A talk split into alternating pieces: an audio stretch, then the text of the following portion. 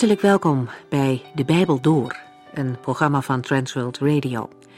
De Bijbel Door is een radioserie die u in vijf jaar meeneemt door de hele Bijbel. Van Genesis 1 tot Openbaring 22.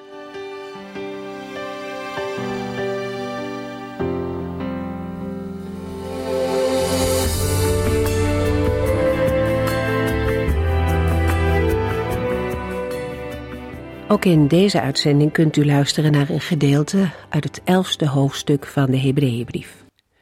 Het is een hoofdstuk waarin we over mensen uit verschillende tijden leven, van Abel tot Samuel, om er maar een paar te noemen. Al deze mensen kozen ervoor om op de Here te vertrouwen, ook als dat betekende dat ze hier op aarde een moeilijke weg moesten gaan. Beter een moeilijke weg met God dan een makkelijke weg buiten God om dat was hun motto. Strijd, vervolging en zelfs de dood konden hen niet van hun geloof afbrengen. En zo zijn hun levens een aanmoediging voor ons om ook vast te houden aan de levende God en vooruit te kijken naar zijn toekomst. De eerste geloofsgetuige die in Hebreeën 11 wordt genoemd is Abel. Hij had een broer, Kain. En van buitenaf gezien leken ze hetzelfde te doen. Beiden brachten de heren een offer. Maar het grote verschil zat in de harten van deze twee mannen. Abel bracht in geloof en vertrouwen een offer, maar bij Kain was daar geen sprake van. En daarom nam God het offer van Abel aan en dat van Kain niet. Niet de uiterlijke dienst telt voor de Heere, maar hij ziet het hart van de mensen aan. Door de hele Bijbel heen zien we dat de Heere schijnheiligheid verafschuwt, maar een oprechte gelovige nooit afwijst. De tweede getuige waarover we lezen is Henoch, ook een man uit de begintijd van de Bijbel. Hij leefde van dag tot dag met de Heere. Hij wandelde met God. Heel bijzonder aan Henoch is dat hij niet is gestorven, maar dat de Heere hem heeft opgenomen. In het Oude Testament komt dat ook bij Elia voor. En verder schrijft Paulus aan de Thessalonicense dat de gemeente in de eindtijd opgenomen zal worden om de Heer Jezus te ontmoeten. Deze eerste twee getuigenissen in Hebreeën 11 laten ook zien dat de Heere God met elk mens zijn eigen weg gaat. Abel diende de Heere en werd vermoord. Henoch diende de Heere en werd opgenomen voor hij stierf. Beiden waren gelovige mannen en toch eindigden hun levens heel verschillend. Maar hun God was dezelfde. Zowel in goede als in moeilijke dagen was hij er. Vandaag zullen we meer horen over Noach, een man die leefde in een tijd waarin zijn omgeving niets van God wilde weten.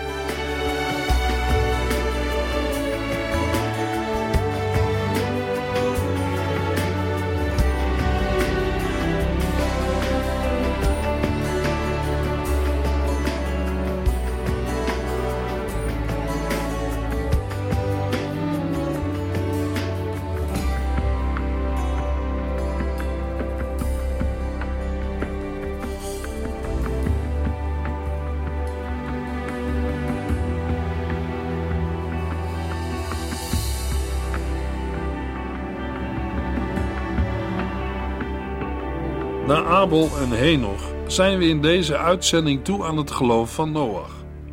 In Hebreeën 11 vers 7 lezen we: Noach vertrouwde op God. Toen God hem voor de toekomst waarschuwde, geloofde Noach hem, hoewel niets erop wees dat er een grote overstroming zou komen. Hij deed wat God hem opdroeg en bouwde een ark om zijn gezin te redden. Zijn vertrouwen maakte het ongeloof van de wereld zichtbaar, en door dat vertrouwen werd hij een van hen die voor God rechtvaardig zijn. Als derde geloofsgetuige uit de oudheid noemt de schrijver van Hebreeën Noach, die door het bouwen van de ark zichzelf en zijn gezin redde van de zondvloed. Noach reageerde met geloof op de openbaring van de Here over toekomstige gebeurtenissen over dingen die nog niet gezien werden, namelijk de zondvloed en de veroordeling van de toenmalige mensheid. De woorden in vers 7 zijn met opzet zo gekozen, omdat al in vers 1 het geloof als het overtuigd zijn van het bestaan van dingen die je niet ziet is gedefinieerd. Voor de woorden toen God hem voor de toekomst waarschuwde, lezen we in de Griekse tekst een woord dat in het normale spraakgebruik ontvanger van instructies van hogerhand betekent. In Hebreeën 11 vers 7 gaat het net als in Hebreeën 8 vers 5 en Hebreeën 12 vers 25 om een openbaring van de Heere God. We lezen de openbaring van de Heer in Genesis 6 vers 12 tot en met 22.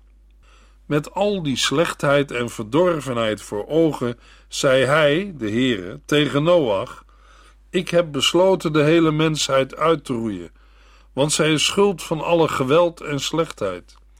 Ja, ik zal de bewoners van de aarde vernietigen. Bouw een ark van acaciahout en bestrijk het hout met pek om het water dicht te maken. Verdeel hem in dekken en onderkomens. Maak hem 150 meter lang, 25 meter breed en 15 meter hoog. Maak er een lichtsleuf in die een halve meter onder het dak rond het hele schip loopt en verdeel het schip in drie dekken: een benedendek, een middendek en een bovendek. In de zijkant van het schip moet u de ingang maken. Ik zal namelijk een enorme watervloed over de aarde laten gaan, die alle levende wezens zal doden. Iedereen en alles zal sterven. Maar met u sluit ik een verbond. U zult veilig in het schip zijn met uw vrouw, uw zonen en hun vrouwen. Voordat de vloed komt, moet u van elk dier een mannetje en een vrouwtje aan boord nemen, zodat die de vloed overleven. Van elke vogel, van elk soort vee, elk kruipend of ander dier moet een paar aan boord zijn. Zorg verder voor al het voedsel dat uw familie en de dieren nodig hebben. Noach volgde alle aanwijzingen van God op. In Genesis 6 kondigt de Heere Noach zijn besluit en plan aan.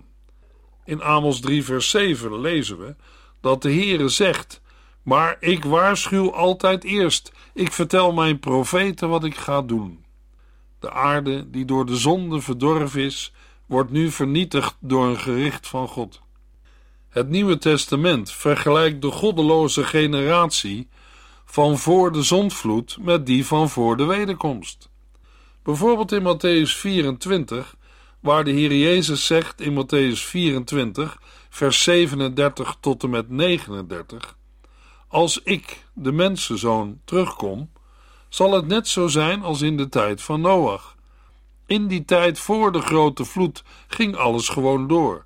Men at, dronk en trouwde, tot het moment dat Noach de ark inging.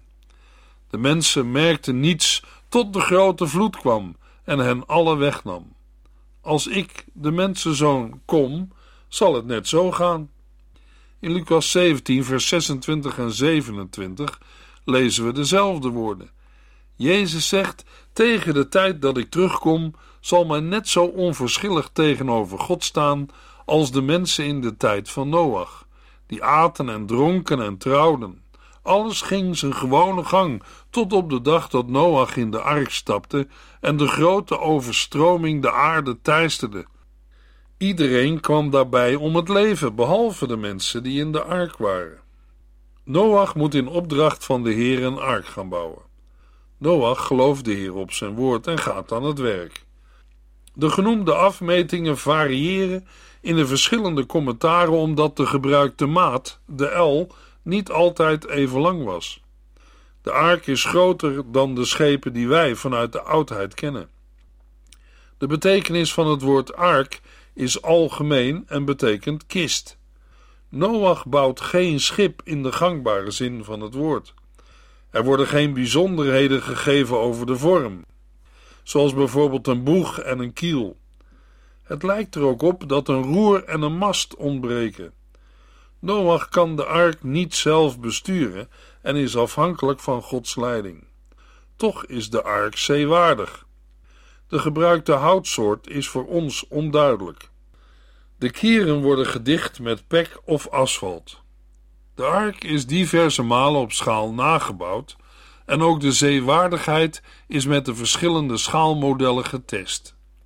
De lichtopening of sleuf in Genesis 6, vers 16 moet waarschijnlijk onderscheiden worden van het venster in Genesis 8, vers 6 en kan een opening van een L hoogte zijn geweest over de hele lengte van het schip, bedoeld voor licht en lucht. De ark krijgt een deur en drie verdiepingen. Vervolgens kondigt de Heer aan wat er zal gebeuren. Er komt een enorme watervloed over de aarde. Ook genoemd in Psalm 29, vers 10. Alles wat op de aarde is en ademt, zal omkomen. De waterdieren blijven gespaard. De Heere sluit met Noach een verbond. Hij en zijn gezin zullen gespaard worden.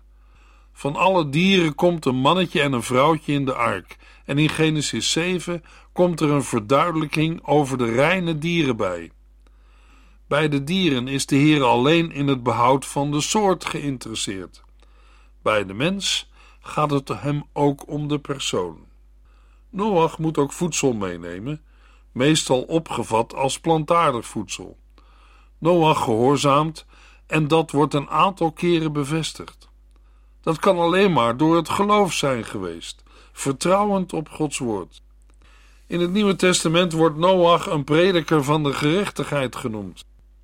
In 2 Petrus 2 vers 5 lezen we: Hij, de Heere, spaarde ook de mensen niet die vlak voor de grote overstroming leefden, behalve Noach, die de mensen opriep voor God te gaan leven en zijn zeven familieleden. Maar God liet alle andere mensen die niets van hem wilden weten, door de grote overstroming verdrinken. Noach is niet alleen druk geweest met het bouwen van de ark, maar heeft ook de mensen opgeroepen om voor God te gaan leven. In 1 Petrus 3 lezen we over het geduld van de Here tijdens de bouw van de ark. Maar we lezen er ook dat de mensen weigerden naar de boodschap van Noach te luisteren en hem uitlachten. We lezen in 1 Petrus 3, vers 19 en 20. Zo kon hij, Jezus Christus, naar de geesten gaan die in de onderwereld gevangen zaten, om hun bekend te maken wat hij heeft gedaan. Dat betreft hen die in de tijd van Noach weigerden te luisteren, hoewel God geduldig op hen wachtte, terwijl Noach de ark bouwde. Toen werden acht mensen gered, terwijl de anderen verdronken. Die acht mensen werden gered, ondanks al het water. Noach onderwierp zich aan de wil van de Heere, gehoorzaamde God en bouwde de ark. Zijn vertrouwen maakt het ongeloof van de wereld zichtbaar, en door dat vertrouwen werd hij een van hen die voor God rechtvaardig zijn. Het gelovige gedrag van Noach liet de zonde van de hem omringende wereld nog sterker uitkomen. Noach is de eerste die in het Oude Testament rechtvaardig wordt genoemd. Door zijn geloof en vertrouwen op God werd hij een van hen die voor God rechtvaardig zijn. Noach werd een erfgenaam van dat wat uit de gerechtigheid voortvloeit, namelijk redding, het heil. Dat wat we lazen in Hebreeën 6, vers 12. En ook dat u de moed niet laat zakken, maar het voorbeeld volgt van de mensen die door hun geloof en geduld ontvingen wat God hun had beloofd. En in Hebreeën 6, vers 17 en 18. God heeft ook een eed afgelegd om duidelijk te maken dat hij niet anders kan dan zijn woord houden. Hij wilde dat de mensen aan wie hij de belofte deed niet zouden twijfelen.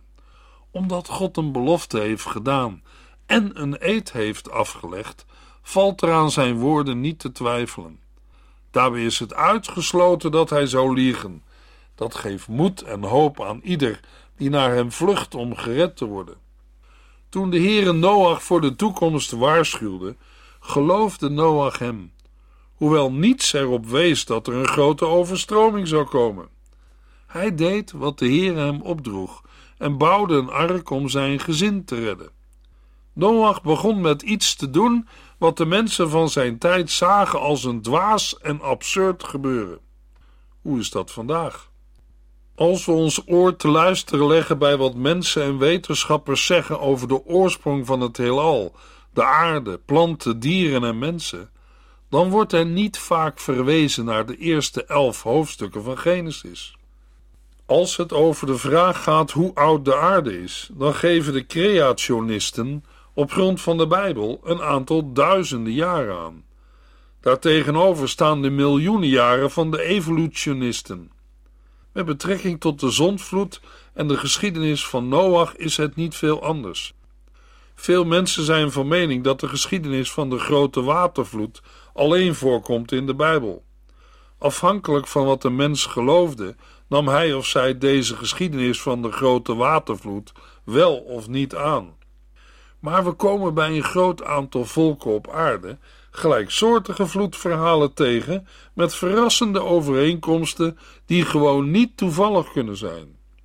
Om een voorbeeld te noemen, er zijn nauwelijks historisch-wetenschappelijke werken te vinden die melding maken van het feit dat de oude Maya's bijna hetzelfde vertelden over de schepping en de watervloed als de oude volken in het Midden-Oosten.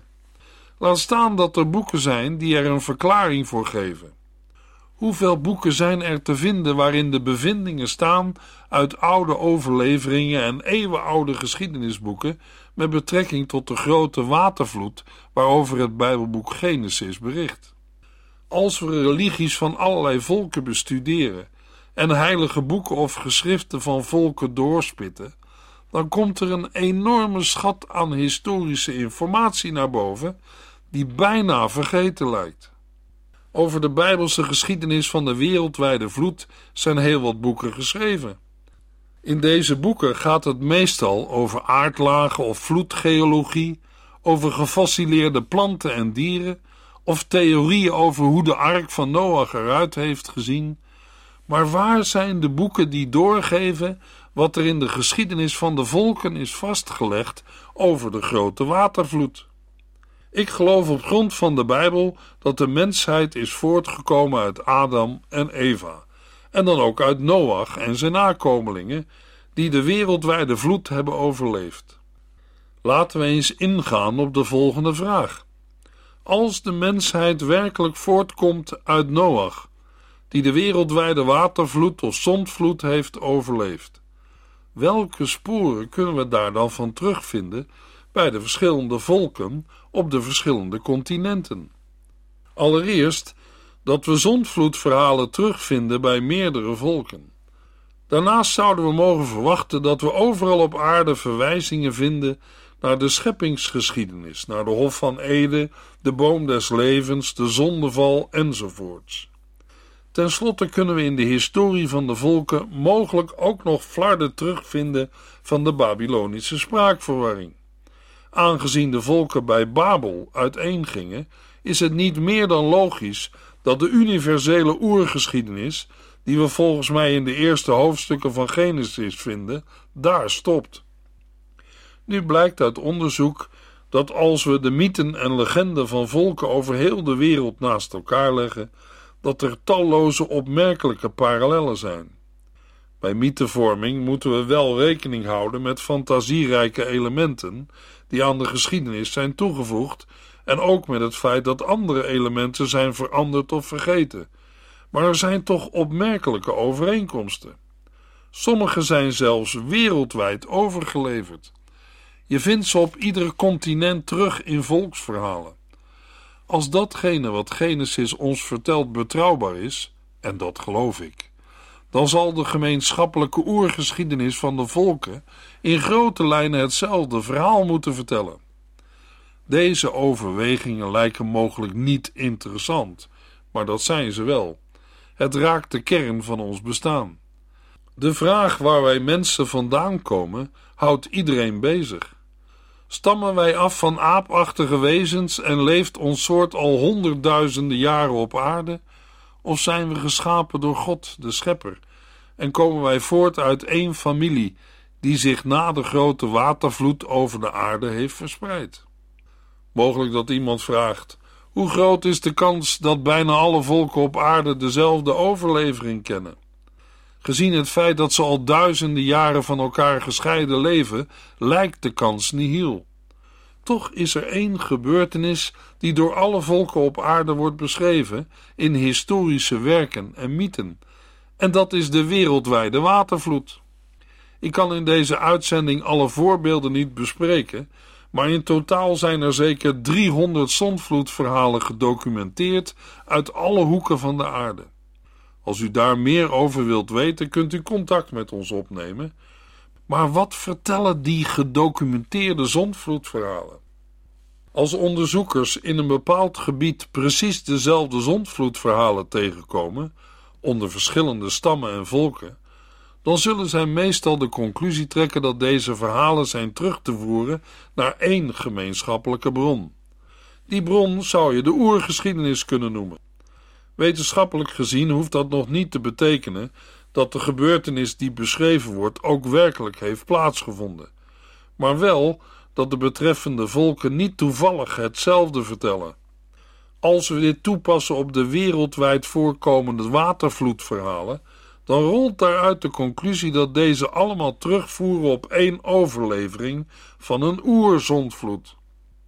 Bij alle verhalen vinden we elementen die niet onafhankelijk van elkaar kunnen zijn ontstaan. Bijvoorbeeld de vernietiging van de aarde door water en de redding van een paar mensen en enkele dieren door een schip. Een tweede conclusie die onderzoekers trekken, als er verschillende volken precies dezelfde verhalen vertellen, is dat die verschillende volken ooit contact met elkaar hebben gehad. Voor de watervloedverhalen betekent dit dat de oeroverlevering van de zondvloed in een periode moet zijn ontstaan waarin de verre voorouders van zowel Indianen, Afrikanen, Europeanen, Aboriginals en Aziaten nog één volk vormden. Ook al zou een mens de Bijbelse weergave niet geloven, dan moet het feit dat we de geschiedenis van de wereldwijde watervloed terugvinden onder alle volken op alle continenten toch zeker een indicatie zijn dat het een werkelijke gebeurtenis is geweest, die op onze voorouders een diepe indruk heeft gemaakt.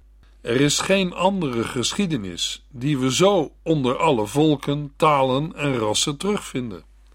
De wereldwijde watervloed moet voor onze verre voorouders zo heftige, onbeschrijfelijke catastrofe zijn geweest, dat het verankerd is geraakt in het collectieve geheugen van de mensheid. En dat kunnen we over geen enkel ander stuk geschiedenis zeggen. Vanwege de overweldigende hoeveelheid authentieke getuigenverklaringen is het geen vergezochte conclusie de wereldwijde watervloed als een historische gebeurtenis te beschouwen. Deze conclusie betekent ook dat de verspreiding van de volken over de aardbol maar enkele duizenden jaren geleden is begonnen. En dat is in de lijn met wat de Bijbel vertelt namelijk dat de wereldbevolking recentelijk 4500 jaar geleden samenleefde in het huidige Mesopotamië en van daaruit de wereld is gaan bevolken. Daar komt nog bij dat volken in hun geschiedenis en volksmythen precies datgene vertellen wat Genesis ons vertelt over de vroegste geschiedenis. God zond een vloed over de aarde omdat de goddeloosheid en zonde van de mensheid tot een climax gekomen was. Alleen Noach was rechtvaardig en werd door God voor de vloed gewaarschuwd. Hij ontkwam in een ark met zijn familie en één paar van iedere diersoort. Na de vloed zond God een regenboog als teken dat hij de aarde nooit opnieuw met een vloed zou straffen. En Noach bracht vervolgens een dankoffer aan God. Zijn drie zonen, Sem, Gam en Jafet, zijn de voorvaders geworden van de verschillende volken.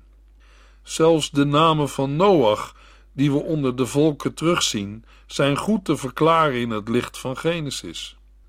Concluderend kunnen we zeggen dat de grote watervloedverhalen onmogelijk toevallig op meerdere plaatsen ontstaan kunnen zijn, vanuit bijvoorbeeld regionale watervloeden en ze kunnen ook niet toegeschreven worden aan christelijke invloeden.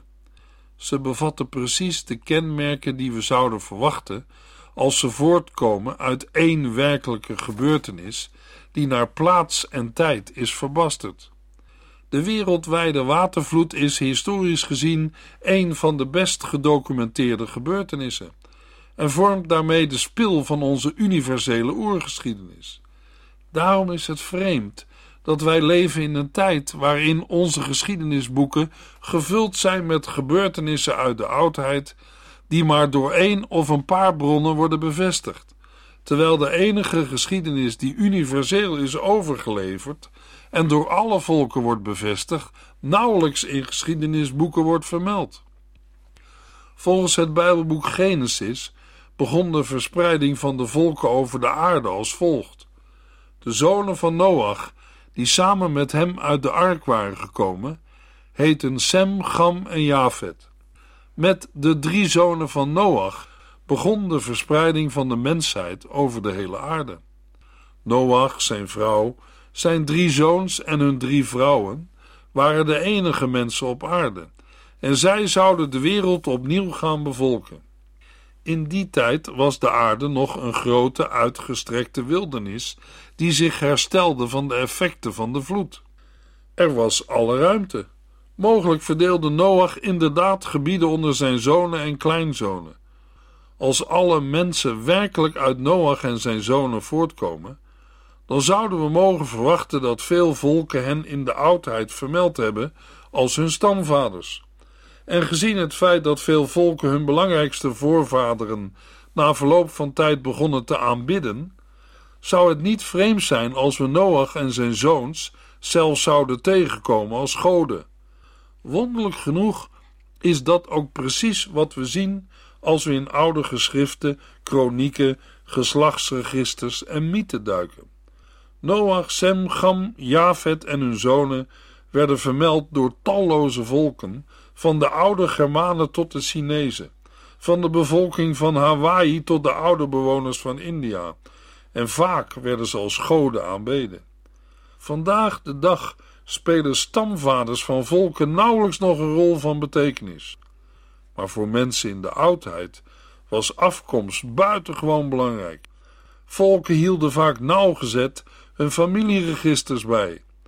De naam van de gemeenschappelijke stamvader bepaalde doorgaans de identiteit van de stam.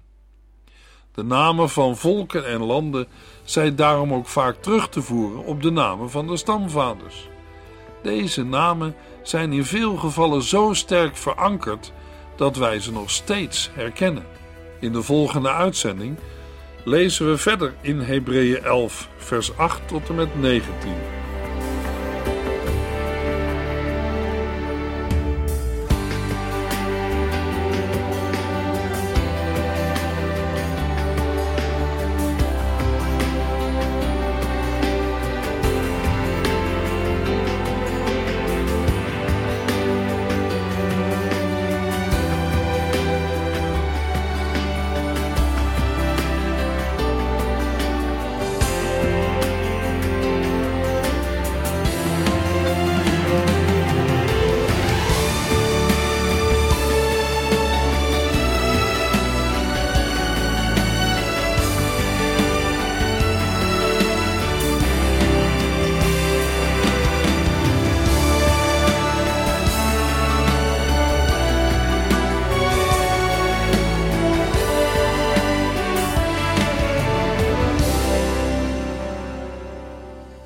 Geluisterd naar De Bijbel Door. In het Nederlands vertaald en bewerkt door Transworld Radio. Een programma waarin we in vijf jaar tijd de hele Bijbel doorgaan. Als u wilt reageren op deze uitzending of u heeft vragen, dan kunt u contact met ons opnemen. Tijdens kantooruren kunt u bellen op 0342 47 8432. 0342 47 8432. 32. Ook kunt u een e-mail sturen naar de Bijbel door transworldradio.nl en natuurlijk kunt u ook via de post ons bereiken. TWR, postbus 371, postcode 3770, AJ in Barneveld. Dit programma werd gepresenteerd door Corweda en Ike André. Techniek was in handen van Odin van Woerdenkom. En namens ons allemaal bedanken we u van harte voor het luisteren.